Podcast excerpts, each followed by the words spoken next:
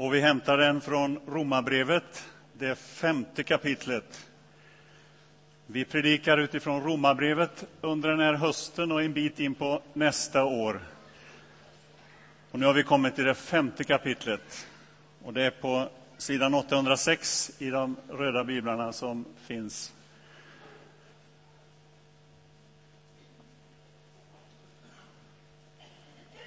Och det är gott att få läsa texten och så kan vi säga sen att nu har vi läst igenom Romarbrevet tillsammans som församling.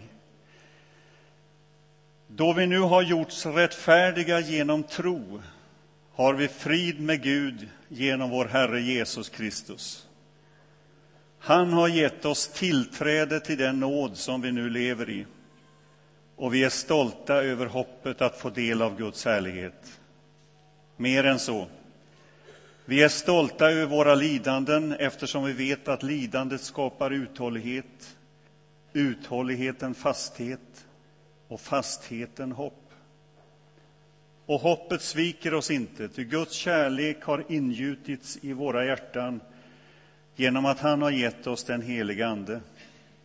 Medan vi ännu var svaga dog Kristus för alla gudlösa när tiden var inne. Knappast vill någon dö för en rättfärdig.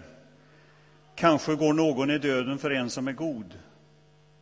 Men Gud bevisar sin kärlek till oss genom att Kristus dog för oss medan vi ännu var syndare.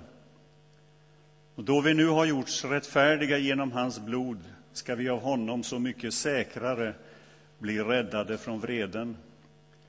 Ty om vi var Guds fiender och blev försonade med honom genom hans sons död då ska vi, när vi nu är försonade, så mycket säkrare blir räddade genom hans sons liv.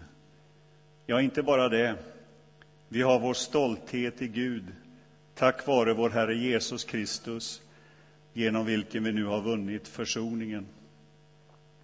Genom en enda människa kom synden in i världen och genom synden döden, och så nådde döden alla människor därför att alla syndade. Redan före lagen fanns alltså synd i världen, men synd räknas inte där det inte finns någon lag. Ändå härskade döden från Adam till Mose också över dem som inte gjort sig skyldiga till en överträdelse som Adams. Och Adam motsvarar honom som ska komma, men överträdelsen kan inte jämföras med nåden. Om alla dog genom en endas överträdelse så har nu alla fått del av Guds överflödande nåd, nådegåvan som bestod i en enda människa, Jesus Kristus.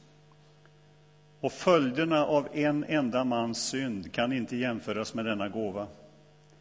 Ty domen följde på vad han ensam hade gjort och blev fällande.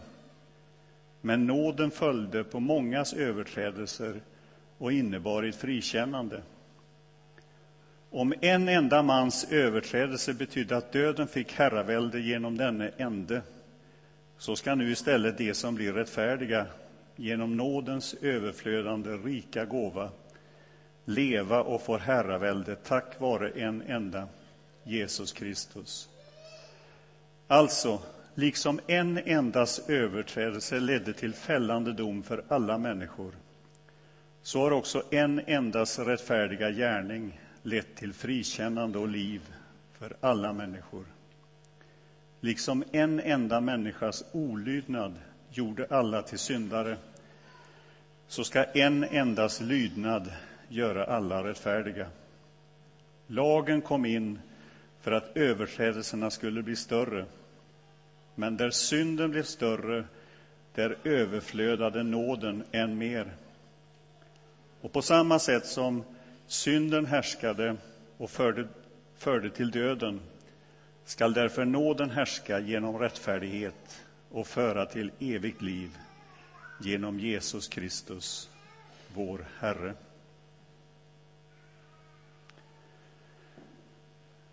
Hiro Onoda hette en japansk soldat som eh, 1944 fick orden att bege sig till ön Lubang i Filippinerna. Och han fick stränga order om att försvara och försvåra för det amerikanska anfallet som var nära förestående. Onoda förbjöds att dö för egen hand och han fick liksom orden att vara kvar där tills du får ett annat direktiv, en annan order. Och han blev verkligen kvar. Kriget tog slut och han blev kvar. Och man eh, förstod att han fortfarande stred för den japanska armén där på Filippinerna. Hans bror kommer dit för att försöka övertala honom att kriget var slut, men han fick inget gehör. Hans far kommer dit för att också försöka övertala honom att säga att kriget var slut, men han fortsatte. Och det var inte förrän 1974 som han gav upp. Och då fick de tag på hans tidigare överordnade som reste till Filippinerna och meddelade Hiro Onoda att kriget var över. Och så kapitulerade han den 10 mars 1974. 29 år så hade han bedrivit gerillakrigföring för sitt land. Han visste inte och trodde inte att kriget var över, att det hade blivit fred.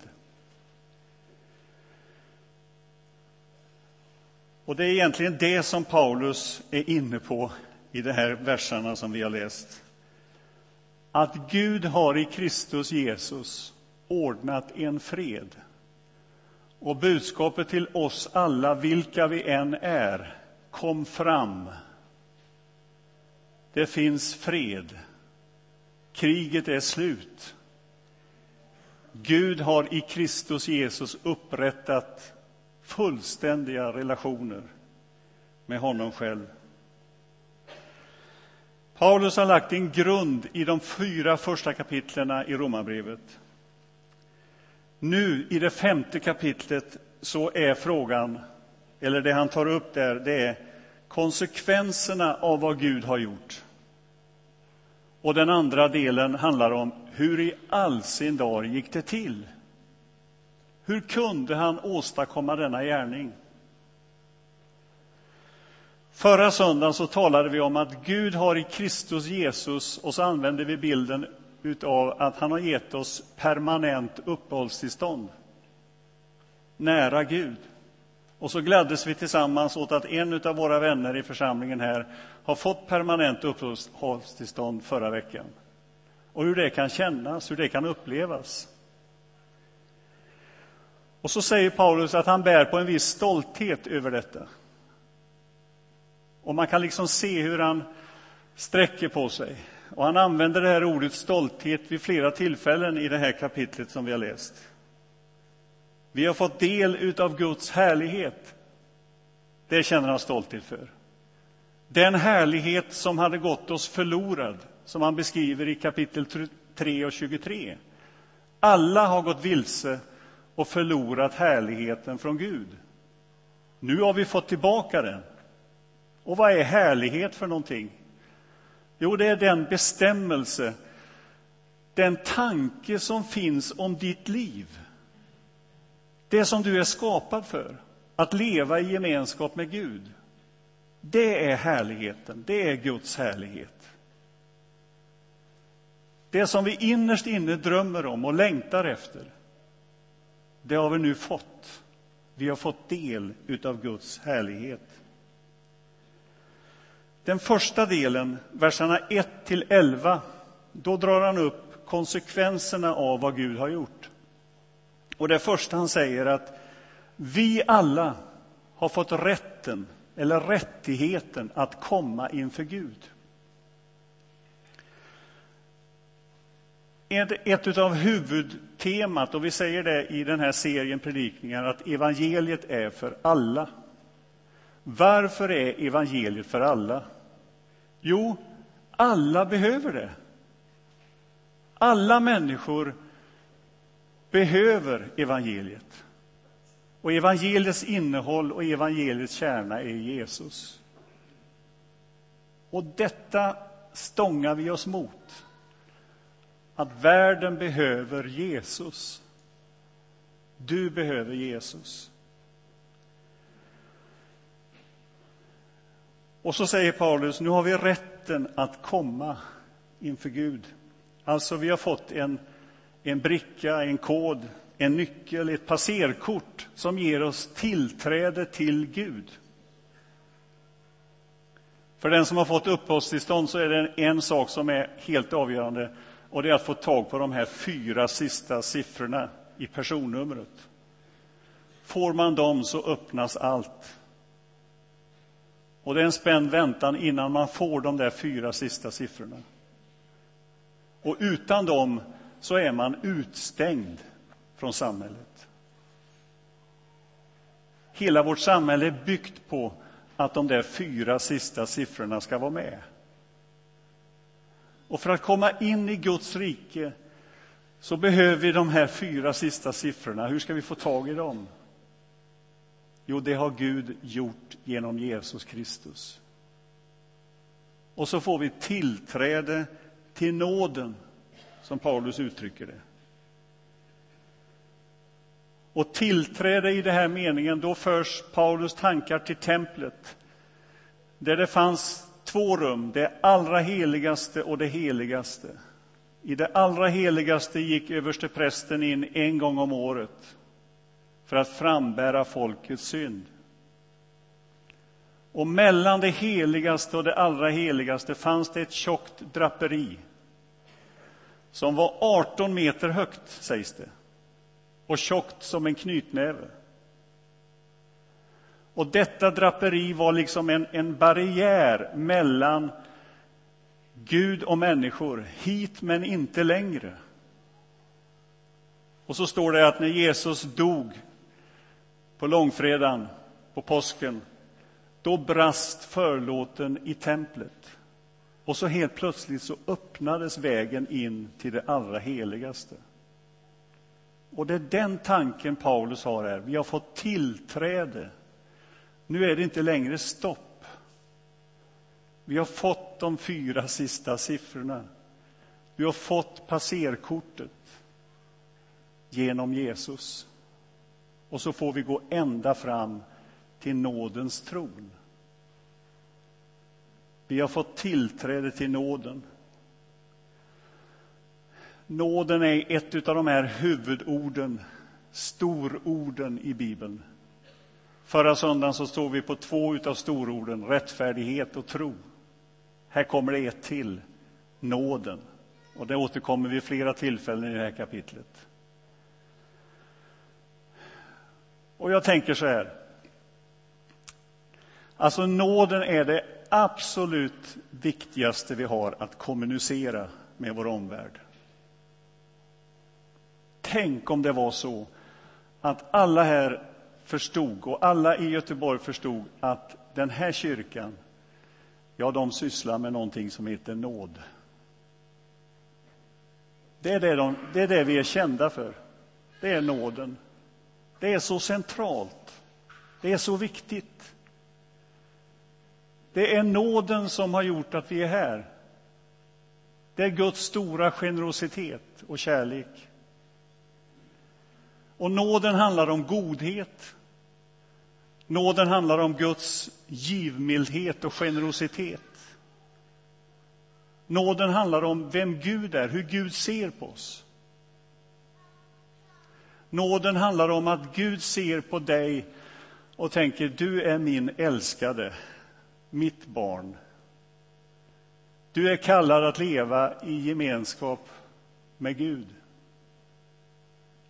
Guds kärlek, det är ett uttrycks i det här ordet nåd. Det finns många definitioner på nåd. Det finns många beskrivningar av nåd. Och man kan säga att, att Bibeln innehåller en mängd bilder. Jesus använder liknelser för att beskriva vad Guds nåd är. Till exempel i liknelsen om den förlorade sonen. Fadern som står där och spanar och väntar på sonen som har gått bort till ett främmande land. En definition som har betytt mycket för mig och som hjälper mig, det är det här. Nåd innebär att det inte finns något jag kan göra för att få Gud att älska mig mer. Och nåd innebär att det inte finns något jag kan göra för att Gud ska älska mig mindre. Nåd innebär att det inte finns något jag kan göra för att, Gud, för att få Gud att älska mig mer. Och nåd innebär att det finns ingenting jag kan göra för att Gud ska älska mig mindre. Den är konstant, Guds kärlek till oss. Och tillträde till nåden innebär att det som hindrade mig från att komma till Gud, komma fram ur djungeln på Filippinerna, det är borttaget. Vägen är öppen. Det är nåd, Guds stora nåd. Och nu råder nådens ordning, för jag har ju kommit in i nåden. Och Det innebär att jag kan inte längre behandla människor utifrån ett annat perspektiv än nåd, generositet, godhet och kärlek. Och jag känner att Kristi kärlek på något sätt tvingar mig att berätta. Det finns ett nådens rum för dig, var du än är, vem du än är. Och jag vet att hela min existens vilar på nåd och inte prestation. För nåden säger att Gud delar ut gåvor, inte löner, inte poäng efter gott uppförande. Utan Gud delar ut gåvor till oss. Och gåva betyder utan motprestation. Så evangeliets stora ärende, det är att min synd kan förlåtas. Jag som var svag, jag som var syndare, jag som var gudlös, jag som till och med var en fiende till Gud, säger Paulus. Jag får nåd. Alltså, Paulus förlägger allt så långt bort från oss själva som möjligt, vår prestation och vår fromhet. Och så säger han, eh, andra anledningen till stolthet. Jag känner mig till och med stolt i mina lidanden. Alltså att bli en kristen, att komma till Jesus innebär inte att lidandet eller svårigheterna, att motgångarna försvinner. De finns där. Och man skulle kunna tycka att nu när vi har det så bra med Jesus, varför försvinner inte allt det som är motgångar och uppförsbackar? Utan här ger Paulus oss en hållning i lidandet. Alltså, vad gör jag i lidandet? Vad gör jag när jag tycker att Gud är långt borta, när det är tyst? Och man kan också Eh, beskriva det här. Han, han talar om uthållighet i lidandet. Det kan man också beskriva som någon slags väntan i lidandet. Men det är inte en passiv väntan, utan det är ett, en aktiv väntan. Eh, och vad är en aktiv väntan? Jo, det är att göra som du gör idag, att komma till gemenskapen, till gudstjänsten att ta del i nattvarden, att eh, hålla fast vid det som du bekände en gång, dopet, att hålla det levande, det som du bekände i det. Då sa du att du tror på Jesus och överlämnade ditt liv åt honom. Den aktiva väntan gör någonting med oss. Den påverkar oss. Den leder oss in i en process. Den leder till förändring, från uthållighet och så vidare till fasthet och fastheten hopp. Det sker någonting i den aktiva väntan. Men den passiva väntan, vad händer med den? När jag säger att ah, det är ingen idé, jag håller mig undan, jag drar mig tillbaka. Då leder den till bitterhet. Den leder till klagan, till missnöje. Den gör också någonting med dig, men på ett negativt sätt.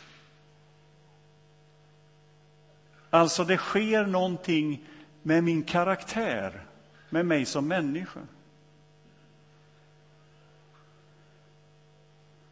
Och så säger han, hoppet sviker oss inte.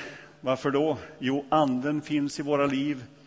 Alltså, anden bor i oss permanent, även i tystnaden, även i lidandet.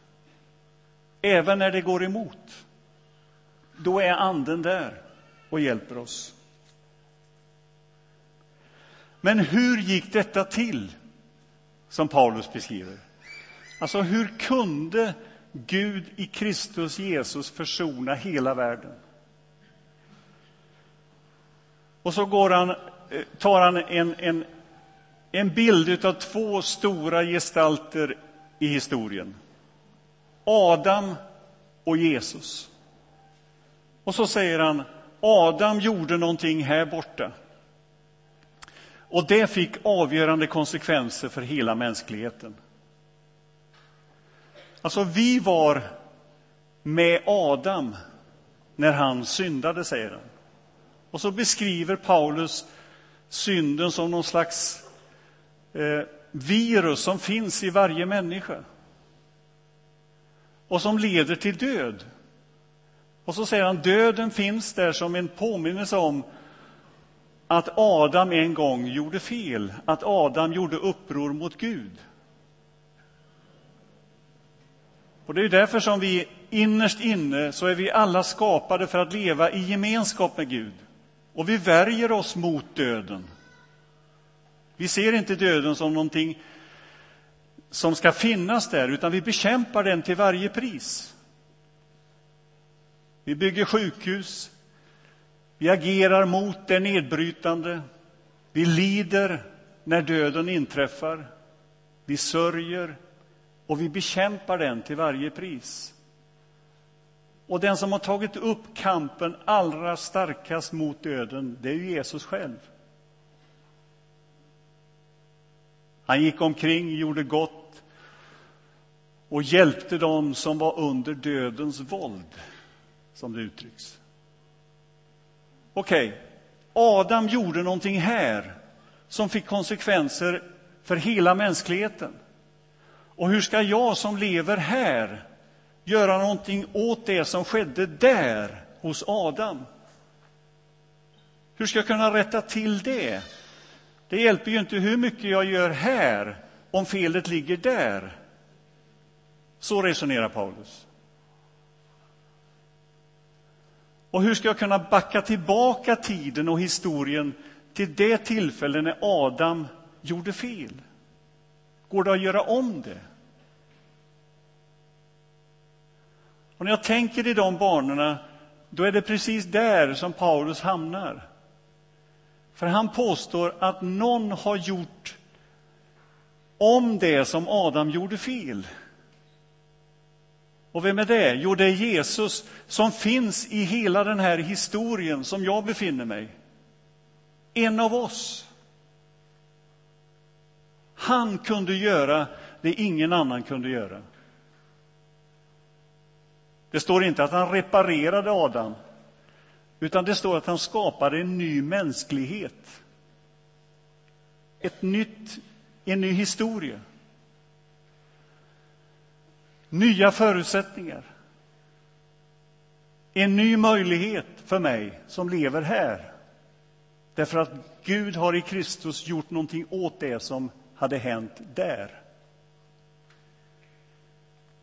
Och det är det Jesus har gjort för oss. Det är så Paulus resonerar. En person, Adam, gjorde att vi alla drabbades. En person, Jesus, gör så att vi alla kan leva. Jesus gör det vi inte kan. Och så säger han med stora utropstecken efteråt i vers 17. Tack vare en enda Jesus Kristus. Tack vare en enda Jesus Kristus. Sug på den. Där har vi vår räddning, vårt hopp.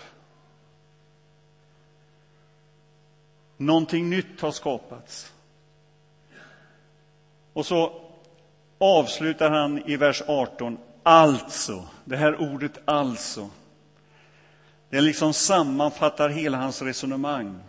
Liksom en endas överträdelse ledde till fällande dom för alla människor så har en endas rättfärdiga gärning lett till frikännande och liv för alla människor. Det är Paulus stora poäng i det här kapitlet. Till sist, två hälsningar vill jag ge. Till dig som inte har tagit emot Jesus Kristus i ditt liv och som kanske som Hiro och Noda fortfarande tror att det är omöjligt för mig att få gemenskap med Gud, att komma till honom. Mitt budskap till dig är, göm dig inte längre. Kom fram. Ta in budskapet att Gud i Kristus Jesus har gett dig sin fred och sin försoning. Du får komma hem till honom. Och hur gör jag det? Jo, genom att säga Jesus, kom in i mitt liv. Jag tar emot dig i mitt liv. Jag tackar dig för den stora gåva som du är till mig. Och för att stryka under det ännu mer så kan du i förbönen här få hjälp att formulera den bönen, att be den bönen om att Jesus ska få bli en del av ditt liv. Att du ska få träda in i detta permanenta uppehållstillstånd i den nådens område som vi har beskrivit här. Min andra hälsning, det är till dig som lider. Till dig som tycker att ja, men detta med Jesus, det är helt borta för mig. Eller du kanske har på grund av olika omständigheter, lidande, svårigheter, känt att Gud har glömt mig. Låt mig få säga till dig, ditt lidande, det sker inom ramen för nåden. Gå in i den aktiva väntan. Stå upp ifrån den här passiva, destruktiva bitterheten. Klappa på. Sök. Ta beslut. Ta emot. Träng dig fram. Knacka. Sök. Bed. Gå in i denna aktiva väntan. Och kom ihåg att Jesus Kristus är dig nära hela tiden. Paulus han beskriver vi var döda, vi var fiender, vi var syndare. Och på något sätt så verkar det som att där är Gud som allra, allra närmast. När vi är som mest utlämnade, då är Gud som närmast. Och det är liksom den hälsningen som jag skulle vilja förmedla till dig, du som känner det så, upplever det så. Han har inte glömt dig, han är med dig i ditt lidande. Amen. Låt oss be. Tack Gud att du i Kristus Jesus har kommit oss nära. Tack att du ser oss var vi än är. Vad vi än känner, vad vi än upplever, så är du nära oss just nu. Tack att vi får komma till dig av nåd. Amen.